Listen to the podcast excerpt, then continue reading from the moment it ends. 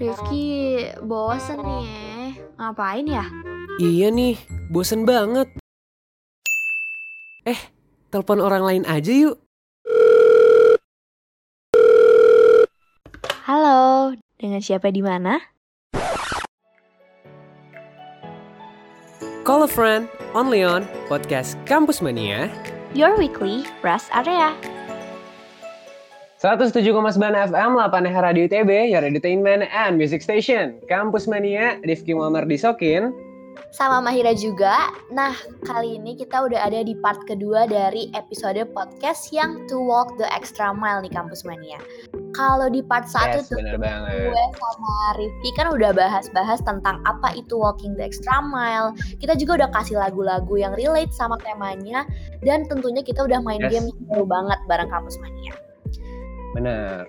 Pokoknya udah banyak banget ya, Ra, yang kita lakukan di episode 2 part 1 kemarin. Bener banget. Nah, kalau di episode 2 episode 2 part 2 kali ini, eh, gue sama Maira bakal ngobrol sama seseorang yang bisa dibilang walking the extra mile nih, Ra. Iya nggak sih? Iya, Bener, kan? bener. Langsung Keren aja ada Grace Natasha, Project Manager dari International Youth Summit for Renewable Energy atau disingkat IYSRI 2021. Halo Kak Grace. Halo Kak Grace. Halo, selamat malam. Malam ya ini ya. Rekamannya lagi malam. Iya sih, kita malam. kita tapping malam nih. Malam, malam. Gimana nih Kak kabarnya Kak? Baik, baik. Cuma tenggorokan agak kering nih ya. Jadi agak bengek. Sorry banget nih kalau sambil batuk-batuk ya ntar ngobrolnya. Ditemenin batuk-batuk gue nih. Iya nggak apa-apa. Iya, Kak? eh, thank you banget nih kak udah nyempetin waktunya buat main-main di podcast Kampus Mania 8 Hera di TB. Thank you banget. Eh, kali ini gue sama Mahira bakal kita ngobrolin aja sih ya, kita ngobrol aja, ngobrol singkat. Kita mau nanya-nanya soal Kak Grace yang bisa terbilang nih extra mile nih. Bener banget, kita bakal tanya-tanya seputar walking the extra mile. Nah, ngomong-ngomong nih Kak ya, kayaknya eh, kakak ini lagi sibuk gak sih Kak?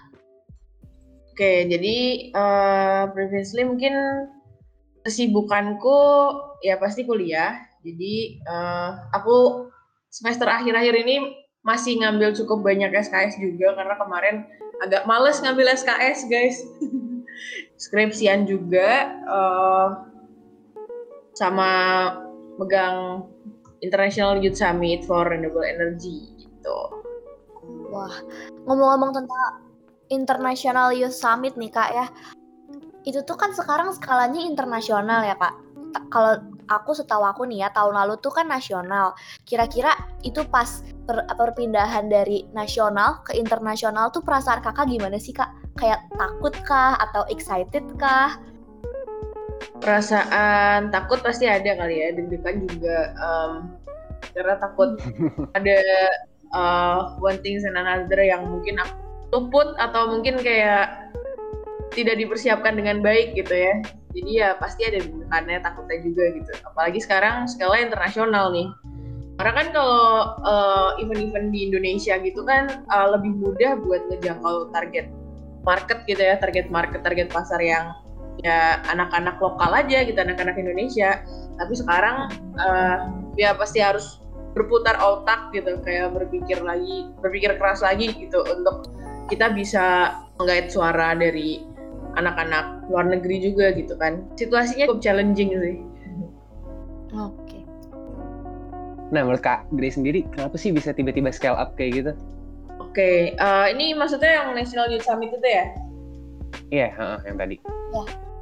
aku lihatnya ada beberapa faktor yang mempengaruhi uh, acara NYSR ini sukses gitu ya bisa dibilang sukses gitu kan karena kita bisa uh, jadi kita sebenarnya ada jadi kita ada rangkaian acara juga kan setelah NYSR itu ada rangkaian acara sama kebetulan sponsor kita juga namanya Rakyat Merdeka dan dari total acara itu kita dapat rekor muri uh, buat webinar dengan peserta terbanyak gitu pesertanya tuh sekitar sampai 45.000 ribu jadi itu kayak Wah, berapa kali lipat sih? 9 kali lipatnya ya dari target yang Hmm, tadinya. Membludak gitu ya? keren banget kak.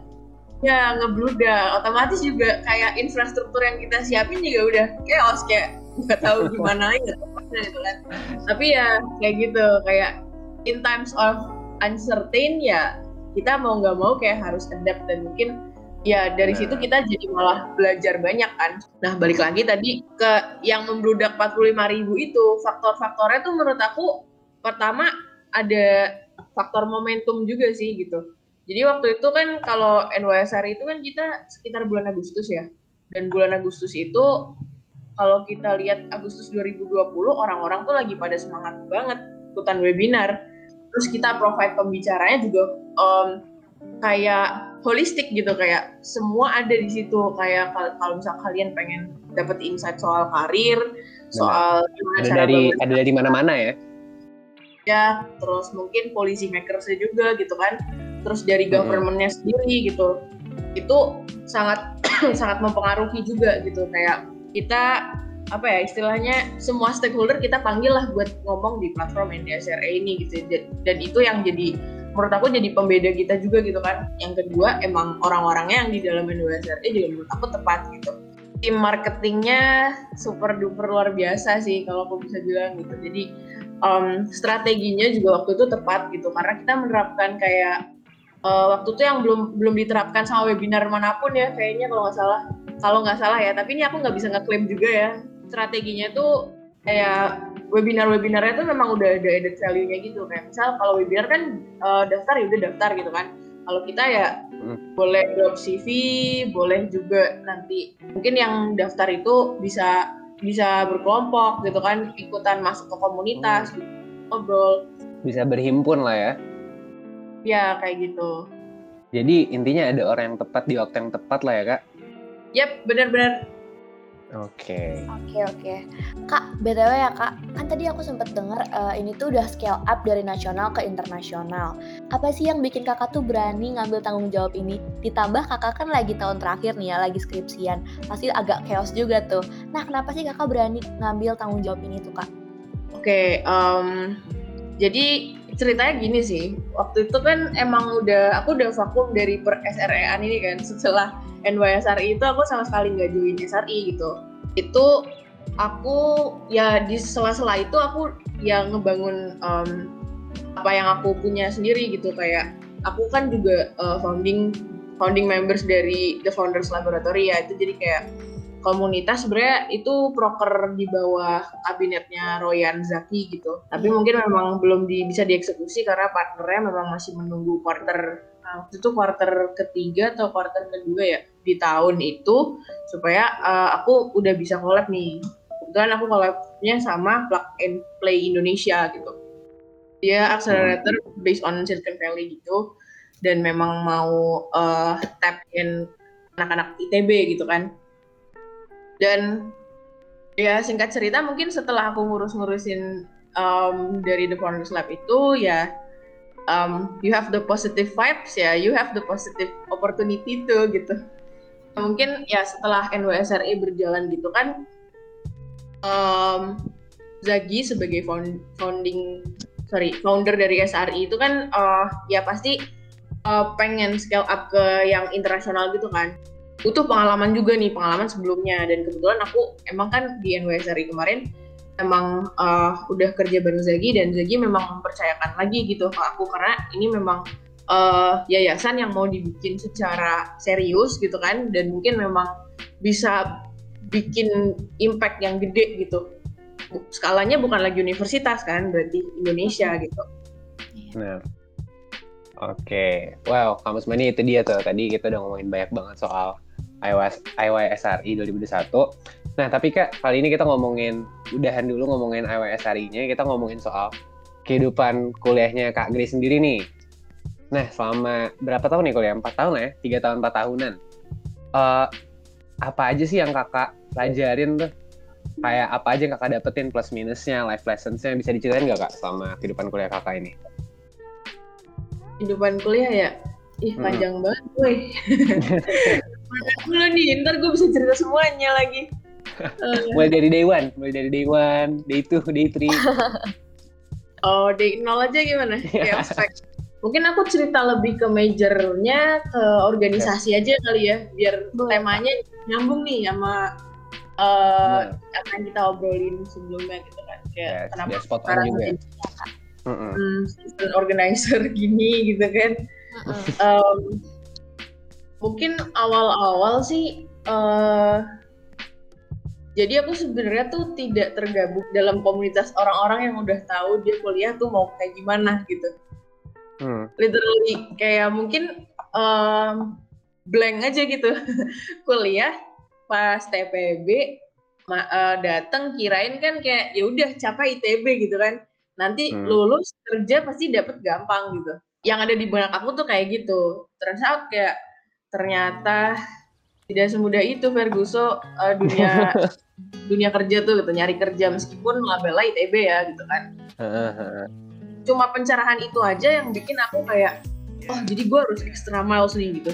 Karena gue nggak bisa biasa-biasa aja kalau biasa-biasa aja tetap gue harus bersaing dan nanti kayak gue bakal dikalahin sama banyak orang yang mungkin ya go their extra miles ketika kuliah gitu kan nah ini nih gue dapetin ketika gue ikut student katalis pas TPB gitu. Dan mungkin sama kayak di benak orang-orang student katalis itu kan isinya anak-anak apa ambisius gitu ya.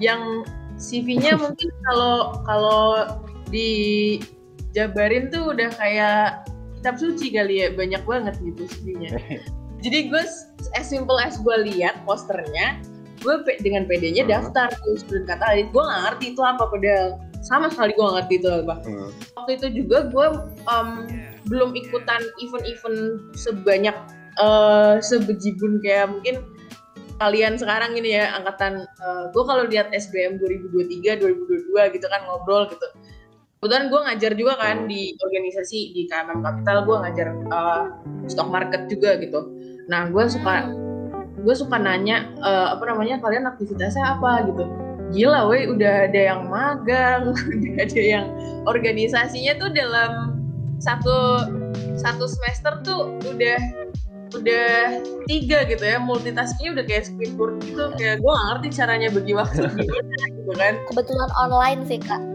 Ya, nah minimal gue, gue dulu tuh waktu TPB sama sekali nggak um, nggak ngambil kepanitiaan apa pun. Di saat mungkin teman-teman gue waktu itu hype kayak lagi tab X gitu kan tab X gue nggak keterima waktu kan 700 gue banyak banget ditolakin gitu di organisasi makanya dari situ kayak gue ah, udah manggil lah gitu. Tapi this one last shot ini kayak SC ini bukan kayaknya organisasi gitu kan. Gue lihat sekilas oh menarik nih gitu. Tapi gue nggak tahu ternyata di dalamnya tuh orang-orang yang bener-bener high achiever gitu kayak dari apa ya orangnya tuh kayak go getter banget semuanya di dalam situ kan nah gue ikut um, mungkin di sini gue ikut waktu itu cuma unit ya unit PSIK kalau kalian tahu. Perkumpulan studi ilmu kemasyarakatan. Mungkin di situ gue lebih ke kebayangannya lebih kayak oh gue pengen uh, aktif di PSIK aja nih gitu. Karena kan emang mungkin berkaca dari aku sebelumnya memang aku tuh nggak pengen sekolah di sekolah bisnis gitu. Aku tuh pengen sekolahnya di waktu itu aku pengen hukum gitu kan. Dan mungkin emang uh, gue emang suka banget kan untuk membahas uh, seputar uh, social issues. Tapi karena gue mungkin sekolah di uh, manajemen uh, sekolah gue manajemen jadi di PSIK lebih ke belakang sini roles gue lebih ke ngobrolin tentang ekonomi. Yaudah terus gue uh, gue experiencing dua hal yang berbeda gitu. Selama kuliah either gue uh, bergaul dengan orang-orang yang mungkin memikirkan apa itu esensi dari aktivitas lo gitu? Misalnya di, di PSIK ini gitu kan kayak those this ya, apa yang mikir banget ya. ya value added ini memang berdampak buat sekitar lo gitu. Dan satu lagi yang benar-benar pragmatis jalannya pragmatis gitu kan di SC kayak ya udah lu go getter gitu. Lu ada apa lu competition segala macam lu ikut ikutin segala bener, dengan dua values yang berbeda kan. Tapi uh, karena memang gue ingin menjalani dua hal itu dengan ya gue suka gitu dengan tidak setengah-setengah. Ya dari dua itu gue menemukan intersection kayak sebenarnya hal-hal yang kontradiktor itu kalau misal dibawa dengan orang tepat ya bisa nyambung-nyambung aja gitu. For a good reason gitu kan ya mungkin aku di jadi project leader sekarang gitu. Mungkin ada value-value PSIK yang bisa gue bawa. Dari situ sih um, kegiatan perkuliahan gue bergerak ke mana-mana gitu kan. Di mana manusia tuh hidup ya kebutuhan manusia paling tinggi adalah self actualization gitu di mana dia mengaktualisasi dirinya dia bisa berguna buat sekitar dan sebagainya itu ya dengan cara dia mengupgrade kapasitas dirinya gitu ya kenapa enggak value-value SC ini kita ambil gitu kan oke okay, oke okay. Jadi buat kampus mania jangan pernah takut ambil kesempatan yang ada karena kalian nggak tahu kesempatan mana yang bisa bawa kalian menjadi sukses. Benar banget. Nah kak, kakak kan udah ngelewatin banyak banget hal ya tadi ya kak, dari SC, uh, terus uh, jadi project leader yang nasional dan internasional YSRI juga. Nah, selama melewati itu tuh uh, kakak pasti menghadapi struggle nggak sih, menghadapi han, uh, halangan atau mungkin rintangan. Kira-kira udah ngelewatin itu tuh belum kak? Pasti udah sih ya kak. Boleh dong cerita-cerita dikit. Rintangan banyak sih, tapi mungkin ya uh, gue bukan orang yang merasakan rintangan itu sebagai kayak aduh udah dead end gitu kan. Uh -huh. Tapi uh, hal itu mungkin jadi something yang gue bisa apa ya jadi learning curve yang cukup signifikan buat gue gitu justru dengan tantangan itu menurut gue uh, tantangan itu malah apa ya kayak ibarat pisau lah gitu kayak mungkin lu tumpul nih semakin lu biasa lu digesek gitu kan di kayak digesek terus sampai uh, tajam gitu kan itu malah jadi pis lu malah jadi itu jadi pisau yang tajam gitu kan.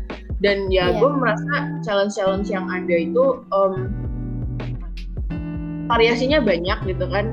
Dan mungkin kalau mention kalau mention satu yang paling kena nggak ada sih karena semuanya ya ya ya udah mentalnya ke semua aja gitu basically. Cuman ya itu maksudnya um, kalau gue ngomongin life values kenapa uh, gue nggak takut sama apa challenge yang bakal ada di depan ini gitu kan. Ya sesimpel tadi sih kalau misal lu nggak berani diasah ya lu akan tumpul selamanya gitu dan kalau di mention banyak sih gitu. Tapi mungkin gue value atau mindset yang uh, gue pakai ketika gue berhadapan dengan challenge gitu.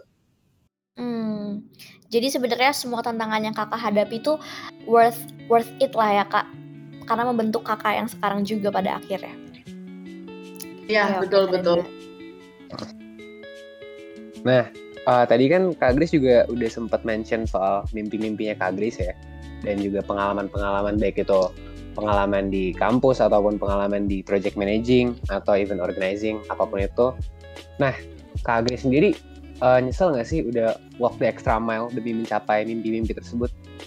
Kayaknya nggak nyesel sih ya, lebih ke apa yang Kak Gris rasain setelah mm -hmm. walk the extra mile itu. Gimana Kak? Iya nggak nggak nyesel sih nyesel sih kalau kalau ini kali ya nyesel tuh kalau dibilang nggak nyoba nggak bilang hmm. nggak bilang yes dalam setiap opportunity yang ada di depan kita gitu kayak apa di depan mata opportunity-nya dan kita nggak nggak berani bilang yes atau mungkin kayak aduh gue chaos nih gitu. Mungkin dengan alasan chaos gitu kadang-kadang kan jadi kita nggak berani di extra mile gitu. Nah, itu kalau misal penyesal kan kayak menyesal kan kayak di, di akhir gitu kan kalau kayak di awal ya mungkin pendaftaran gitu. Jadi gue kayak um, ya udah gue mendaftarnya kenapa nggak yes dulu? gitu. Nanti mungkin ya di belakang belakang gue anaknya improve guys gara-gara gue hmm. make gue gue ngomong yes to many opportunities ya udah harus siap-siap dengan uh, mungkin plan B plan C-nya juga gitu kan tapi uh, perasaannya kak Grace setelah walking those extra walking those extra miles itu gimana? Perasaan setelah uh, gue do the extra miles ya pasti uh, bangga sih sama pencapaian diri sendiri. Um, pertama harus diapresiasi gitu kan. Makanya gue bilang hmm. ya harus pertama harus bangga aja dulu gitu sama apa yang udah dimilikin gitu kan. Hmm. Yang kedua kayak udah ngelakuin banyak banget ya Hmm, iya iya iya. Kalau itu itu emang kayak harus dilakukan oleh gue karena kalau enggak itu jadi bikin gue keeps me comparing myself to others gitu. Dan ke depannya gue selalu punya, uh, gue selalu suka prinsip Jeff Bezos sih gitu. Di mana kan dia bilang day one mentality kan gitu. Mungkin gue merasa kayak oke okay, pencapaian ha, pencapaian gue mungkin uh, dengan gue ngebangun Founders Lab atau dengan mungkin gue kebangunan WSRI dan segala macam itu um, gue udah merasa puas dengan those numbers gitu kan dan mungkin karena gue merasa ini nggak bisa gitu kayak ini harus kayak day one mentality lagi gimana gue harus membangun hal dari ground up lagi gitu kan kayak uh, dari bawah ke atas dan gue selalu menerapkan itu sih gimana pun ya itu sih mungkin Oh. eh, perasaan gue selalu kayak Apresiasi lagi tadi ya. ya selain apresiasi juga gue nggak bisa tenang-tenang aja gitu kan karena mungkin apa yang gue hadapi itu adalah different animals than before gitu kayak misal gue hadapi NYSRI mungkin approach-nya nggak nggak nggak bisa sama gitu sama bahkan mungkin 10 kali lipat lebih susah gitu kan daripada NYSRI Benar-benar. Berarti pendekatannya beda-beda, tapi tetap aja tadi yang Kak Grace selalu bilang nih dewan mentality ya. Nah, gue jadi kepo nih, kepo dikit kak. Uh, uh, kan tadi Kak Grace banyak banget ngomong soal dewan mentality, Jeff Bezos.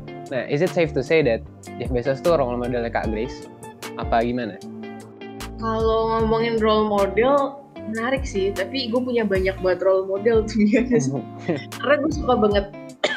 Gue Kayak suka satu banget. orang aja deh di di yang emang bidangnya di project managing atau event organizing, seorang pemimpin di korporat gitu yang Kak Grace nih bener-bener wah ini dia yang gue pengen jadi kayak dia nih. oke em bentar ya. Gue boleh mikir dulu nggak? Soalnya banyak banget. Boleh, boleh. Boleh kita kasih 45 kali 2 menit kali ya? 45 kali 2. boleh 90 menit nih Ya kita kita Ya, tinggal main bola dulu nih. Em, bentar soalnya gue banyak banget kayak gue tuh mudah oh, gue tuh orangnya mudah terinspirasi sama orang could be uh, Gojek driver yang gue kendarai hari ini gitu kan yang gue ajak ngobrol gitu kayak gue selalu uh, apa namanya tapi satu role model siapa ya gue susah banget nih kalau suruh milih.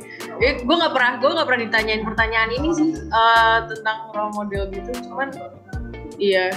Gue Emang di Gua podcast Kampus Mania doang, Pak. gue pernah gue pernah kayak gue pernah sampai mikir kayak aduh kalau gue misal lagi nongkrong atau lagi ngobrol sama temen gue ditanyain siapa ya role modelnya gue emang kesulit gue Hmm. bakal kesulitan menjawab gitu sih. Saking sulitnya nih gue jadi mikir kayak ah udahlah nggak usah dipikirin Atau mungkin Kak Grace mau mencoba untuk jadi role model bagi orang-orang mungkin? Gimana? asik. Jadi role model gue adalah Chris Natasha Kristiadi gitu ya. Heeh. ini sih. Gue baca bukunya Suhogi sorry pergerakan banget ya anaknya tapi dia kayak it's been inspiring me dari ketika gue SMA gue baca catatan seorang demonstran sampai mungkin kayak gue baca berseri-seri bukunya gitu kan kayak orang di persimpangan kiri jalan itu gue baca. Kayak ini ini tapi kayak in terms of buku yang gue buku yang apa namanya role model yang gue paling banyak baca bukunya gitu ya. Karena Jeff Bezos gue kan baca mungkin dari artikel atau gue nonton videonya gitu kan. Tapi kalau yang bener-bener gue ketanem banget nih gitu buat buat tahu si orang ini gue suhobi sih gitu Heeh. dan eh, mungkin gue suka quotes quotesnya gitu sih karena dia lebih eh, ngomongin tentang eh, humanitarian value gitu kan kayak eh, Yes. mungkin berpikir secara filsafati juga gitu kan kayak untuk apa aku hidup terus men-challenge lagi kayak oke lu udah jadi orang baik gitu kan atau mungkin lu udah Heeh. punya impact sebesar itu. Tapi apakah eh, lu berani nih berkorban buat sesuatu yang kayak ya udah ini sebenarnya nggak ke efek eh, buat lu sendiri gitu, lu nggak nggak dapet benefit di apa pun. Nah itu yang Hmm. kayak pemikiran-pemikiran yang men-challenge diri gue sendiri gitu kan kayak Hmm. sejauh mana gue tulus, sejauh mana gue apa namanya eh, mengerjakan hal ini gitu kan itu yang kayak Hmm. bener-bener eh, apa yang gue kerjakan tuh harus put my mind on that gitu. Hal-hal yang bikin pergulatan pikiran ada tuh justru menarik ya untuk dipikir-pikirin lagi. Iya, Iya iya benar-benar benar. dan, dan bikin kita jadi makin kritis ya karena ya Hmm. itu tadi sih ya mungkin menurut gue juga faktor yang bikin gue kenapa tadi opening gate kenapa gue punya inisiatif dan inisiatif leads me to uh, go to the extra mile itu karena gue kritis gitu kayak permasalahan apa sih yang ada di sekitar gue gitu Berarti Kak Grace selalu mau mencari jawaban ya. Nah ini kampus mania berarti bisa kita ambil kesimpulan kayak Kak Grace nih gak, gak suka ngeghosting ya. Kak Grace nih ya suka ngasih jawaban yang pasti. Eh, waduh kok ke sini Kita tadi udah ngobrol banyak banget nggak sih kak bareng-bareng ngomongin eh, dari IY SRI, aduh maaf agak kebelit-belit ngomongnya. Atau dari SC, dari pengalaman kuliah Kak Grace, sampai role, role modelnya udah kita ulik nih Ki. Bener. Nah Udah mungkin banyak banget. sekarang aku mau nanya, ada nggak sih pesan dari Kak Grace untuk teman-teman di sana, untuk kampus mania di luar sana yang mau ngambil langkah lebih dan walk the extra mile? Atau mungkin kata-kata semangat untuk teman-teman yang juga lagi walk the extra mile demi mimpi mereka? mungkin gue awali dari tadi ya rumus yang gue ciptakan masih rumus yang gue ciptakan enggak sih kayaknya kalau gue pernah baca deh di suatu artikel buku atau buku mana gitu bahwa vic- victory itu adalah uh, luck meets preparation gitu kan. Buat orang-orang yang mau go for the extra mile gitu ya. Jadi mungkin harus berani untuk mengerjakan apa yang orang-orang nggak kerjain juga sih gitu kan. Karena mungkin orang-orang yang sama uh, orang lu lebih jago dibanding orang-orang yang punya talent tapi dia nggak prepare gitu kan kalau nggak salah tuh ada quote ini gak sih? Kayak quote di anak-anak basket gitu hard work beats talent when talent doesn't work hard. Oh iya. Biasanya yang yang ngomong kayak gitu tuh yang bio Instagramnya student athlete tuh kak. Wah tuh sering banget tuh quote kayak gitu oh tuh. iya bener ya? Oh iya gue nggak tahu. Iya iya iya iya. Tapi itu gue setuju sih sama hal itu. Pokoknya jangan pernah menyerah deh pokoknya. Nah kak, sekarang kan kakak nih lagi megang project IYSRI tadi itu ya kak ya? Yes, yang sangat besar itu ya. Iya bener banget. Lima ya, ribu, keren keren banget. banget sih. Aku mau daftar jadi panitianya tapi eh, keburu ketutup. Heeh. oh iya Mungkin ada nggak Kak, sepatah dua kata buat teman-teman mahasiswa ya atau teman-teman yang dengerin podcast ini tentang Hmm. IYSRI. Dan mungkin sambil promosi juga gitu kak. Oke. Eh, sepatah pertama mungkin jangan kayak Mahira ya. Ntar kalau pembukaan pendaftaran jangan lupa mendaftar. Benar, benar banget. Lewat Jangan lupa kampus udah. mania. Akhirnya kan lupa. Benar. Iya. bener-bener. Belajar dari kesalahan ya. Selalu up. Pokoknya Iya. pantengin gitu terus. Gitu. Betul. Belajar dari kesalahan.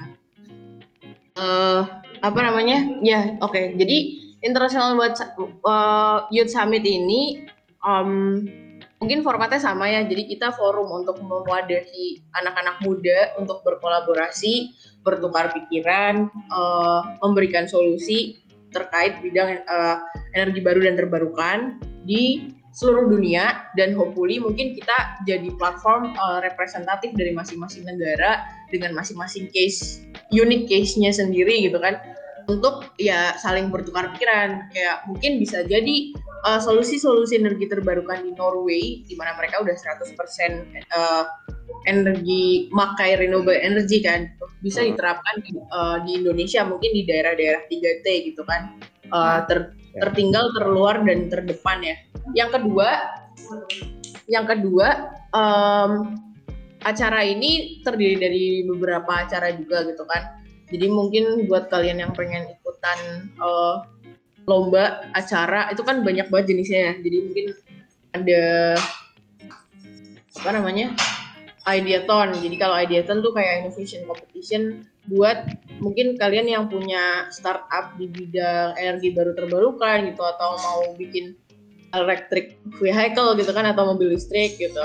Ikutin aja eh, Instagramnya eh, di Ideathon IWSRI dan terus yang kedua ada MUN Model United Nations. Nah ini juga platform yang cukup penting di mana nanti kita bisa eh, menghadirkan roundtable organization buat anak-anak di seluruh dunia sebagai representatif negara-negaranya masing-masing untuk ngobrolin tentang isu-isu eh, renewable energy terutama di community development-nya di ma- masing-masing negara gitu. MUN as usual ya, jadi kayak mungkin ada eh, simulasi dan juga mungkin ada beberapa conference juga di dalamnya gitu. Terus ada global case competition juga. Ini sorry ya, gue sebutin satu-satu. Enggak apa-apa, enggak apa-apa. Gak apa-apa kak. Yang eh, suka nge-solve permasalahan case tentang korporasi atau tentang industri tertentu gitu kan dengan solusi-solusi bisnis yang bagus dan inovatif gitu bisa ikut juga nih di global case competitionnya. Terus yang keempat ada conference. Jadi mungkin buat kalian yang pengen uh, mempublish paper gitu kan Mm-mm. uh, bikin jurnalnya dipublish dan direview oleh reviewer yang mungkin uh, ada legal standingnya dan ada conference dan uh, networking session dengan mungkin uh, nanti bakal ada banyak renewable energy stakeholder juga yang join. Silahkan disubmit scientific papernya di conference. Terus ada lagi uh, main expo. Main expo ini sama sih basically. Uh, nah ini buat kalian yang uh, mungkin nanti lagi, lagi pengen cari kerja gitu ya di bidang energi. Kita ada virtual booth di dalam main expo. Um, di situ nanti ada uh, banyak uh, apa ya banyak perusahaan mungkin yang menawarkan pekerjaan gitu ya atau mungkin kalian tertarik untuk membeli produknya. Gitu. Terus ada pre-event juga. Um, pre-eventnya lebih uh, kita lebih ke publish outlook paper sih. Anak-anak SRE Hmm. uh, anak-anak SRE untuk dipublish uh, tentang outlook energi terbarukan. Dan kita lagi ngumpulin donasi juga buat social project ke desa Karangwangi Garut Jawa Barat gitu ya. Jadi Hmm. Pengabdian masyarakat juga kok apa gimana? Um, iya, itu Oh, bagian oke. dari our pre-event sih. Jadi nanti bisa lihat di page kita ada uh, ada page juga. Kalau mau nyumbang boleh. Dan bit.ly nya juga ada. Jadi tinggal diketik bit.ly ba- slash bantu petani desa Karawang. Itu. Yoi. Terus udah sih. Kayaknya itu rangkaian acara kita. Sama yang terdekat ada Isai Competition. Jadi ini kolaborasi dengan. Rakyat Merdeka. Um, hadiah totalnya 25 juta dan mungkin memperebutkan piala ini ya. Piala Kementerian SDM. Pialanya senilai 15 juta. Ada lapisan emasnya. Wow. Yuk. Itu dia. Ya, Itu dia. Ini buat kamu semuanya ini menarik banget sih. Eh, iya, ini bukan cuma satu rangka, bukan cuma satu acara gitu ya, Ra. Tapi melainkan sebuah rangkaian acara yang banyak banget keseruannya. Ap- Apalagi tadi ada piala atau kan 25 juta, piala di kementerian yang menarik yang banget. 15 juta. Pak- Pokoknya keren banget sih. Jadi buat kampus mania yang mau ngecek langsung aja cek Instagramnya di @iysari2021. Pokoknya ada dan ada sosial media lainnya kak, bisa dicek aja di Instagramnya tadi. Dan kalau mau kepoin Kak Agris bisa di mana nih Kak? Di Instagramnya di Uh, Instagramnya di @granat.ch sama eh nggak ada sih udah itu aja gue cuma punya Instagram. Oke. Twitter jangan ya. Twitter gue nyampah di Twitter gue. Kalau Instagram lebih ke estetikal ya Kak ya? Gak ada gue Instagram gak ada isinya. Oh, Follow, follow medium gue aja guys. Asik. Sama cap di artikel gue. Asik. Ada kok Yes. linknya di Instagram. Itu dia Kampus Mania udah eh, udah dikasih tahu semua tadi laman-lamannya mau mau itu IYSRI atau Kak Grace sendiri. Langsung aja dicek. Eh, Kak Grace, thank you banget. Eh, sukses terus acaranya, sukses terus eh, pendidikannya, kuliahnya, semoga bisa lulus dengan baik. Eh, pokoknya apa pun itu, semoga itu yang terbaik buat Kak Grace. Thank you banget udah main-main di podcast Kampus Mania 8 hari di TB. Ya, ini dia Kampus Mania, Grace Natasha, Project Manager dari IYSRI 2021. Hei kamu, iya kamu, jangan patah semangat ya. Kalau lagi burn out, jangan khawatir, karena kami siap menemani. Podcast Kampus Mania, Your weekly rest area. Oke, Kampus Mania, itu dia tadi gue sama Hira habis ngobrol-ngobrol sama Kak Grace Natasha eh, selaku pro- project manager dari IY As ah gimana sih bilangnya tadi Ra? IYSRI ya? Iya benar-benar IYSRI emang agak blitter Yes. gitu ya. Benar emang. Ya, tadi kita udah ngobrol banyak banget dan sekarang kita langsung aja Ra, kita masuk ke segmen My Question of the Day is. Nah, jadi kayak kamu semuanya udah tahu kayak biasanya kita udah buka question box di official Instagram 8EH di @8EH dengan pertanyaan pernah nggak sih lo berjuang setengah mati untuk sesuatu atau seseorang? Nah, ini banyak banget nih input-input yang kita dapat dari kamu semuanya. Jadi langsung aja gue sama Mahira mau bacain di My Question of the Day is. Oke, jadi nih banyak dari kampus mania yang bilang mereka tuh nggak memperjuangkan kampus atau jurusannya setengah mati. Ada yang Hmm. berhasil, tapi ada juga yang gagal nih, Ki. Hmm, gila. Ah, jadi emang walking di Ramalia ini dalam bentuk pendidikan ya, ya nggak sih? Iya, bener-bener bener. Mm-mm. Nah, Ada apa tuh? ada yang bilang nih, Ki, aku mau bacain dulu question box-nya satu kali ya. Hmm, boleh, boleh, boleh. Ada dari Makan Yuk, katanya demi FK, terus malah masuknya sekarang di ITB. Waduh. Kayak si ada tuh FK di ITB ya, si ada. Salah tuh, salah. Mau masuk FK Heeh. malah mau ke ITB tuh sebenarnya banyak banget tau. Bener. Kayaknya biasanya kalau di ITB tuh eh, SF sih gak sih? Kayak SF tuh ya anak-anak FKU yang gagal ya gak sih? Iya, iya bener-bener bener. Heeh.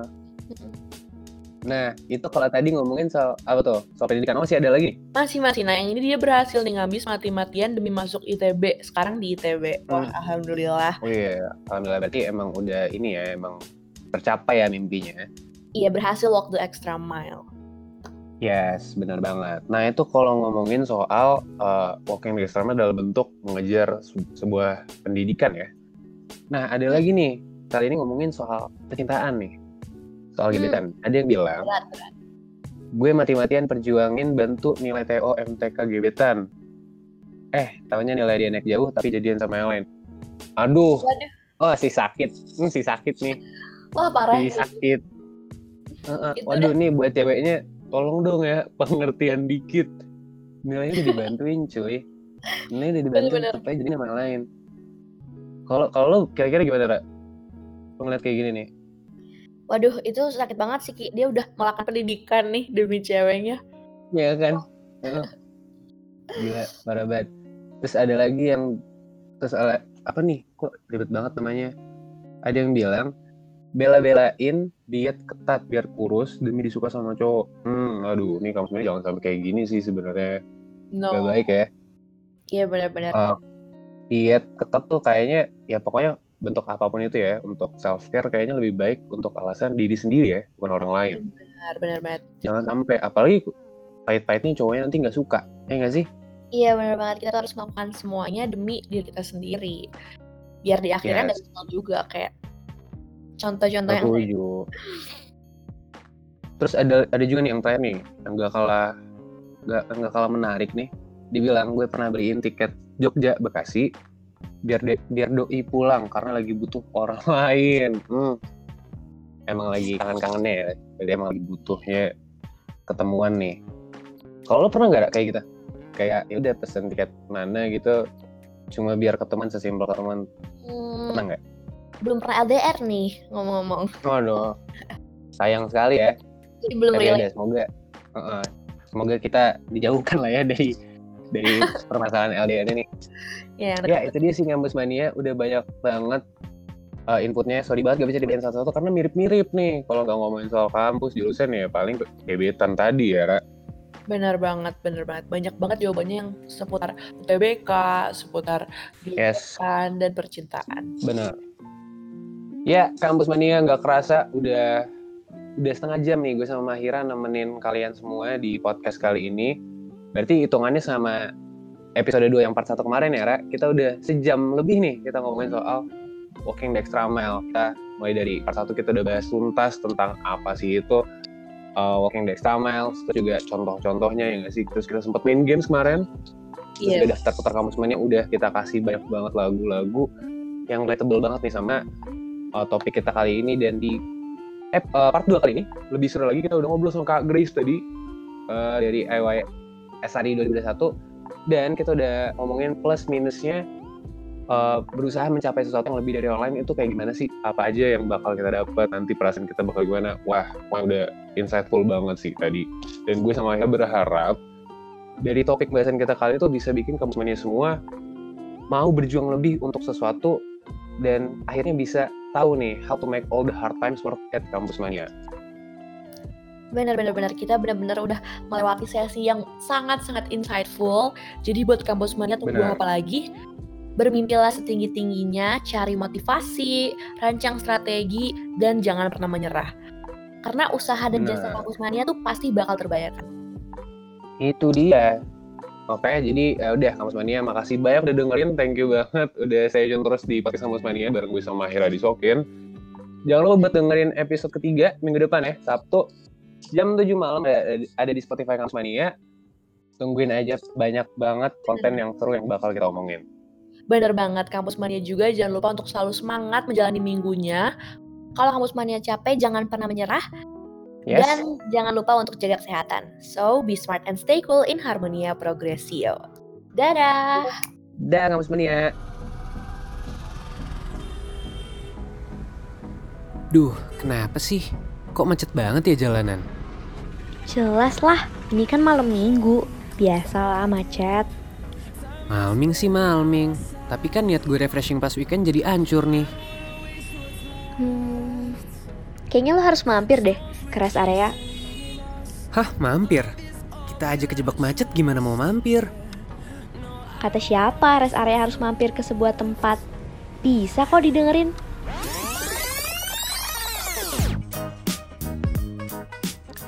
Podcast Kampus Mania, your weekly rest area, bakal nemenin kalian di akhir pekan bersama gue, Mahira, dan Gue Rifki. Bakal ada episode baru setiap hari Sabtu, jam 7 malam hanya di Spotify. Jangan lupa di-download ya. supaya kita bisa nemenin Kampus Mania kapan pun dan di mana pun. 107,9 FM, 8 Hera di TB. Your entertainment and music station.